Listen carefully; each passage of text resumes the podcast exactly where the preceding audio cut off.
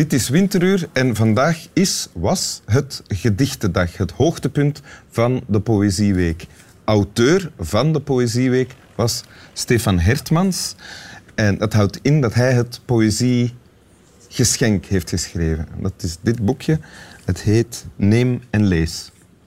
Uh, er staan gedichten in. Welkom, Stefan Hertmans. Uh, Stefan Hertmans, schrijver, dichter, uh, romancier, essayist, docent. Geweest, ja. Geweest, ja. In allerhande landen en uh, bij behorende talen. Uh, bij het grote publiek bekend omwille van Oorlog en Terpentijn natuurlijk, waarmee je de ACO Literatuurprijs hebt gewonnen. Het gedicht waaruit je een fragment gaat voorlezen, gaat, over, gaat onder andere over dit schilderij. Mhm. Oké. Een gedicht van... Het, ja, het is van de dichter uh, Winston Hugh Auden, een Britse dichter. Hij heeft dus geschreven op het moment dat hij uh, in 1938 Brussel bezocht. En daar voor het eerst dat schilderij heeft gezien. Ja? Waarvan men inmiddels denkt dat het misschien ook niet van Breugel is. Maar bon, voor Ah, ons bon, is het een Breugel. Ja, er is discussie over. Maar goed. Oké. Maar dat is een ander verhaal, Dat een andere een aflevering, verhaal. in een ander Ja. programma. Ja, het is een gedicht dat eigenlijk eh, heel anders begint. Hij staat voor dat schilderij en hij maakt een bedenking die iedereen zich op een bepaald moment kan maken over een schilderij. Hij zegt, wat lijden betreft vergiste de oude meester zich nooit. En hij kijkt naar wat daar gebeurt, die Icarus die in het water valt. en dan zegt hij het volgende. Op Bruegels Icarus bijvoorbeeld. Zoals alles zich op zijn dode gemak van de ramp afkeert. De man achter de ploeg zou de plons gehoord kunnen hebben. De verloren kreet. Maar voor hem was het geen belangrijk fiasco. De zon scheen zoals het moest op de witte benen die verdwenen in het groene water. En het kostbare, fragiele schip dat iets merkwaardigs gezien moet hebben, een jongen die uit de hemel viel, dat moest ergens heen en het zeilde rustig door. Wat staat er hier? Ik vind. ehm, het is natuurlijk het is vrij ingewikkeld om het, eh, om het eh, in zijn geheel te zien. Maar wat er gebeurt is eigenlijk. Oden staat voor dat schilderij. Hij ziet dat die Icarus, de titel van de schilderij en wat eigenlijk de aanleiding is. Als je dat breekt in percentage, hoeveel procent van het oppervlak is dat? Eén? Twee misschien, die Heel beentjes. weinig, ja. Dus hij- hij- het, het centrale thema is als het ware verdwenen in dat, dat grote panorama van de, dat is de wereld. Je hebt de zee, je hebt het land, je hebt de lucht, je hebt alle elementen aarde, water, alleen het vuur ontbreekt. Want bij een schilderij met als titel De val van Icarus zou je een dramatisch vallende Icarus kunnen verwachten. Ja. Maar dat is het helemaal niet. Die bestaan, hè. hij is ooit geschilderd, met, ook met zijn benen in de lucht, hij valt naar beneden. Er bestaan heel dramatische afbeeldingen. Wat Breugel doet, is het heel ironisch weergeven. De wereld gaat door en de boer hij ploegde voort. Er is een visser aan de kant en die kijkt eh, alleen maar naar het water. Die kijkt te dichtbij om het te zien. Er staat een herder en die kijkt naar de lucht, die kijkt te ver om het te zien. En die boer is met iets anders bezig. Dus je hebt alle mogelijke manieren om ernaast te kijken. Terwijl die man daar eigenlijk uit de hemel valt, om- omdat hij iets fantastisch heeft geprobeerd. Hij heeft proberen vliegen als mens. Ja. Hij heeft proberen vleugels hebben. Ja. Dus er zit een, een heel mooie ironie in. En toch ook een heel ruim panorama van voilà, zo is de wereld. Daar valt iemand uit de lucht en de rest doet gewoon voort. Ja. En het gedicht heet Musée des Beaux-Arts, want daar heeft hij het gezien. Ja. En het begint met het zinnetje in het Engels... About suffering, they were never wrong, the old masters. Ja. Eh, dat ken ik uit het hoofd, want het is ook een van mijn favoriete gedichten. Eh, dus in het Nederlands luidt het over het lijden waren ze nooit verkeerd, de oude meester. ja. Dus het gaat over het lijden wel. Ja, ik kan me voorstellen dat hij desnoods met zijn vriend Isherwood voor dat schilderij stond. Het is 1938, het is winter. Hij heeft een tiental gedichten over Brussel geschreven in die dagen. Hij staat er in het Musée des Beaux-Arts en hij ziet dat schilderij. En dat kan niet zijn dat u en ik tegen elkaar zeggen als we daar staan. Je moet eens kijken, dat gaat eigenlijk over lijden. Daar is iemand aan het verzuipen en iedereen kijkt de andere kant op. En hij begint dus met iets wat, wat, wat iedereen van ons zou kunnen zeggen. En dan begint hij erover na te denken en werkt hij dat uit. En dan komt hij tot dat schilderij op het einde, als het ware. In plaats van met het schilderij te beginnen en de uitleg, zegt hij ons eerst wat hij erbij bedenkt. En dan neemt hij ons mee in het beeld. Dat is een heel mooie beweging, vind ik. Waardoor je op het einde met dat heel open idee blijft van... ja, het schip moest ergens elders heen. Sorry. En dus het is eigenlijk bijna een grap van Breugel. Zoals uh, Oden het leest. Ik denk het wel. Ik denk dat je niet mag onderschatten dat Breugel bijna altijd ironisch was. Het is een heel ironische schilder, dat is ook zo mooi aan hem. Hij is heel volks en tegelijk kent hij zijn klassieken goed. Want je moet weten, de, de bewerking zou je kunnen zeggen, of de benadering door Oden, is al derde graads. Breugel heeft letterlijk een aantal regels uit de Metamorfosen van Ovidius Latijnse dichter, heeft hij nageschilderd. En Ovidius zegt reeds dat Icarus in het water valt nadat zijn vader Daedalus voor hem vleugels had gemaakt, want ze zaten opgesloten in een labyrint van de Minotaurus. Mhm. En hij wil eerst zijn zoon redden. Ja, Daedalus was een groot techneut. Ja. En zijn zoon vliegt en zegt nog, pas op, niet te hoog, want zijn vleugels van was. Je moet daarna weer naar de aarde. En hij vliegt natuurlijk te oog. Hij is, hij is in, in, een soort euforie. En Oedipus, um, pardon, Ovidius beschrijft heel precies uh, dat er een boer was die ploegde. Dat er een visser was die het niet gezien heeft. Dat er een herder was. Dus al die elementen komen al bij Ovidius voor. En Breugel heeft gewoon gedacht, oh, ik ga dat tafereel schilderen. Ja. ja. En dan komt iemand in 1938, vlak voor de oorlog. En die ziet wat daar eigenlijk op het spel staat. En dan had ik zoiets als ik het koos van, ja, we zijn toch weer in een tijd waarin vluchtelingen verdrinken en wij de andere kant op kijken. Maar dus, gaat het dan ook over onverschilligheid. Ik bedoel, al de, alle, er speelt zich daar een drama af op het schilderij. Een, een, verhaal in een, een drama in een verhaal dat eeuwen oud is, maar nu nog altijd verteld wordt. Dus dat mensen beroert. Maar van, op het moment zelf dat het gebeurt, is er niemand die erop let. Het, ja. De hele omgeving is onverschillig bij het lijden van Icarus en van zijn vader die daarboven... Uh, zijn zoon ziet neerstorten.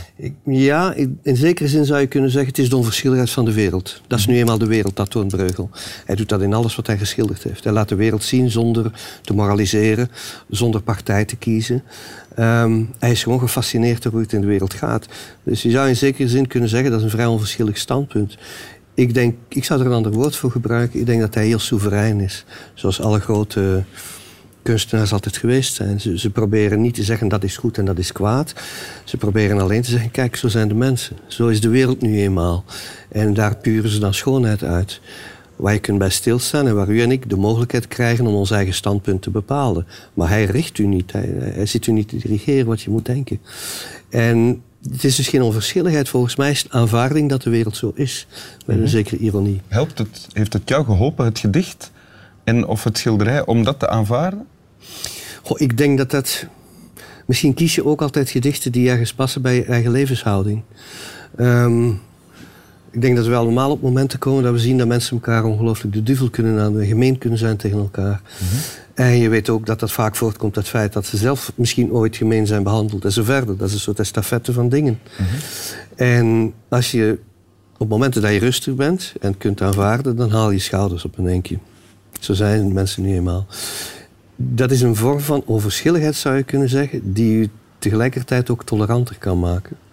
Als je niet het zijn die idealisten die het eerst Toleranter in de zin van beter, beter luisteren en beter kijken. Ja, Doe je ook niet snel oordeel? Aanvaarden, ja. Het zijn volgens mij de idealisten die het eerst nijdig worden. Omdat ze snelst ontgoocheld zijn. Mhm. En als je niet te veel idealen hebt en probeert de wereld te aanvaarden zoals Breugel doet en zoals Oden daarnaar kijkt, dan kun je zeggen, magnifiek hè, moet eens kijken. Die boer ploegt verder, je moet daar eigenlijk ook om lachen. En Natuurlijk gaat het over iets wat ernstiger is dan dat. Het gaat over suffering. Ja? De les is volgens mij niet dat wij ons van suffering niks moeten aantrekken. Ja, Integendeel, ik denk dan als ik die jongen zie die in de Middellandse Zee nota bene valt en daarin verdrinkt. Ja, het is een eeuwig thema. Het is weer ongelooflijk actueel. En betekent dat dan ook... Als, kijk, op dit moment zijn er misschien mensen aan het verdrinken in, in eh, de Middellandse Zee. Hè, die uh, de zee proberen over te steken, vluchtelingen, zoals we ze dan noemen. Uh, als jij op dat moment zit te schrijven aan een gedicht, ben je dan de boer die zijn gedicht op dat moment belangrijk vindt en belangrijker dan wat er daar gebeurt? En geeft zowel dit gedicht als dit schilderij jou dan uh, de toestemming om te zeggen, ja, zo, zo is het, zo gaat het? Dat vind ik een heel moeilijke vraag. Dat, dat vind ik echt een morele vraag. Um, ik denk dat we allemaal in de huidige tijd het gevoel hebben dat we niet kunnen behappen wat er allemaal gebeurt. Er is zoveel leed en er is ook zoveel waar we meer van weten. Ik bedoel, in België zaten, lagen ze niet wakker destijds van de oorlog van Alexander in, uh, in nabije Oost. Ze wisten het gewoon niet. Wij weten alles. Dus wij zijn overladen met dingen die ons een schuldgevoel kunnen geven omdat we gewoon kunnen leven, omdat we een veilig leven leiden. Mhm. Op een bepaald moment wordt dat ook koket. Je moet daar ook niet in overdrijven. Je kunt ook niet alles op jou nemen. Dat, dat, je wordt daar alleen maar neurotisch van. En je helpt er niemand mee. Aan de andere kant weet je, ik kan dingen doen. Ehm, ik heb de luxe om hier te kunnen zitten nadenken over die wereld. Dat is al een enorme luxe. Mensen die moeten overleven hebben die tijd niet. Nee. En in die zin zou je kunnen zeggen dat wanneer je schrijft over leed in de wereld, dat is ook geen pleister op de wonden. Dat is ook geen excuus. Dat maakt het er niet beter op. Maar je kunt wel jouw kleine stuk op jou nemen en zeggen: Ik gedenk wat er in de wereld gebeurt. Ik ben daar wel mee- mee bezig. Het, is, het gaat wel over mijn wereld. Veel meer kun je niet doen. En jij in jouw geval als schrijver doet dat bijvoorbeeld als schrijvende dan? Ja, bijvoorbeeld in, in dat bundeltje Neem en Lees voor de Poëzieweek staan twee gedichten Ja. die het, het lot van vluchtelingen evoceert. Eh, ik doe dat niet om actueel te zijn, ik doe dat niet om op de kaart te springen, maar gewoon, eh, je bent als dichter ook een soort radar. Je, je, je krijgt al die impulsen binnen zoals elke burger. En op een bepaalde manier komt dat eruit bij mij als een gedicht, zoals het bij een componist misschien als een lied uitkomt, bij een schilder als, als een tafereel. Of bij een hond als geblaf? Bij zo'n hond- bij- bedoel, het is van hetzelfde niveau, absoluut. Je, je reageert gewoon op de dingen die je binnenkrijgt. En wat dat betreft denk ik, goed, literatuur gaat over empathie. Daar is het laatste jaar veel over te doen geweest, dat men zei. Mensen die veel lezen zijn blijkbaar invoelender voor anderen. Dat schijnt iets te doen. Of het waar is of niet, is een andere discussie. Ik heb er persoonlijk altijd in geloofd, omdat ik altijd literatuur gedoseerd heb. En dacht, dat geeft menselijke waarden mee. Dat is zo. Je leert je invoelen in iets wat niet dicht bij je bed is. Dat is, dat is een training om dat te leren. Maar anderzijds heb ik niet de illusie dat je met een gedicht de wereld kunt veranderen. Als ik mij wil engageren als burger, dan ga ik op straat, dan ga ik mee manifesteren. Of dan schrijf ik een stuk eh essayistisch of noem maar op. Of dan zal ik iets op Facebook posten, want ik denk, je kunt er misschien mensen mee overtuigen Ja. hoe weinig het ook is. Maar in, in de poëzie, in de literatuur, en dat heb je ook bij, bij, bij Oden en dat heb je daar ook bij die Icarus van Breugel, daar kun je eigenlijk alleen maar zeggen, ja, zo is de wereld, such is life in China. Zo gaat het nu eenmaal. Oké. Ik moet nu ook even terugdenken aan wat u daarnet zei. Er is ooit een ketting ontstaan. Ooit is het verhaal ontstaan van Daedalus en Icarus. eh, bij de Grieken en de Romeinen. Eh, dan is dat neergeschreven door Ovidius, onder andere. Jaren, eeuwen later eh, heeft Breugel een schilderij gemaakt. Nog een paar eeuwen later heeft Oden een gedicht geschreven daarover. Eh, dat gedicht heb, heb jij dan gelezen. En nu zitten wij daarover dan weer te praten. En wie weet, wat gaat er hier dan weer mee gebeuren? Wat zal de volgende stap zijn? Ja, kijk, je doet me nu denken aan het feit dat... Stel dat ik dit met jou eerder had gehad, dit gesprek... dan zou misschien iets van die Icarus in mijn vluchtelingengedichten geslopen zijn. Ah ja, ja. Want door het nu opnieuw te lezen heb ik het mij gerealiseerd dat het daarover gaat. Dus dat is een estafette, dat is een ketting van dingen doorgeven. Dat heb ik altijd heel fijn gevonden aan heel de, de, kunst, de kunsttraditie uiteindelijk. Dat het een estafette is van inzichten. ja. Stefan Hertmans, wil je het nog één keer voor ons voorlezen, het fragment?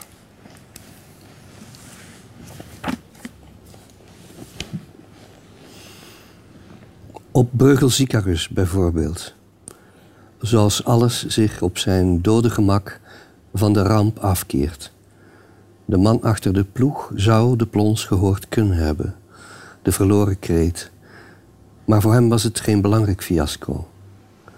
De zon scheen, zoals het moest, op de witte benen die verdwenen in het groene water. En het kostbare, fragiele schip dat iets merkwaardigs gezien moet hebben, een jongen die uit de hemel viel, het moest ergens heen en het zeilde rustig door. Dank u wel. Slap wel. Ik wens u nog een prettige verderzetting van de gedichtendag. Met bijvoorbeeld een gedicht van Stefan Hertmans.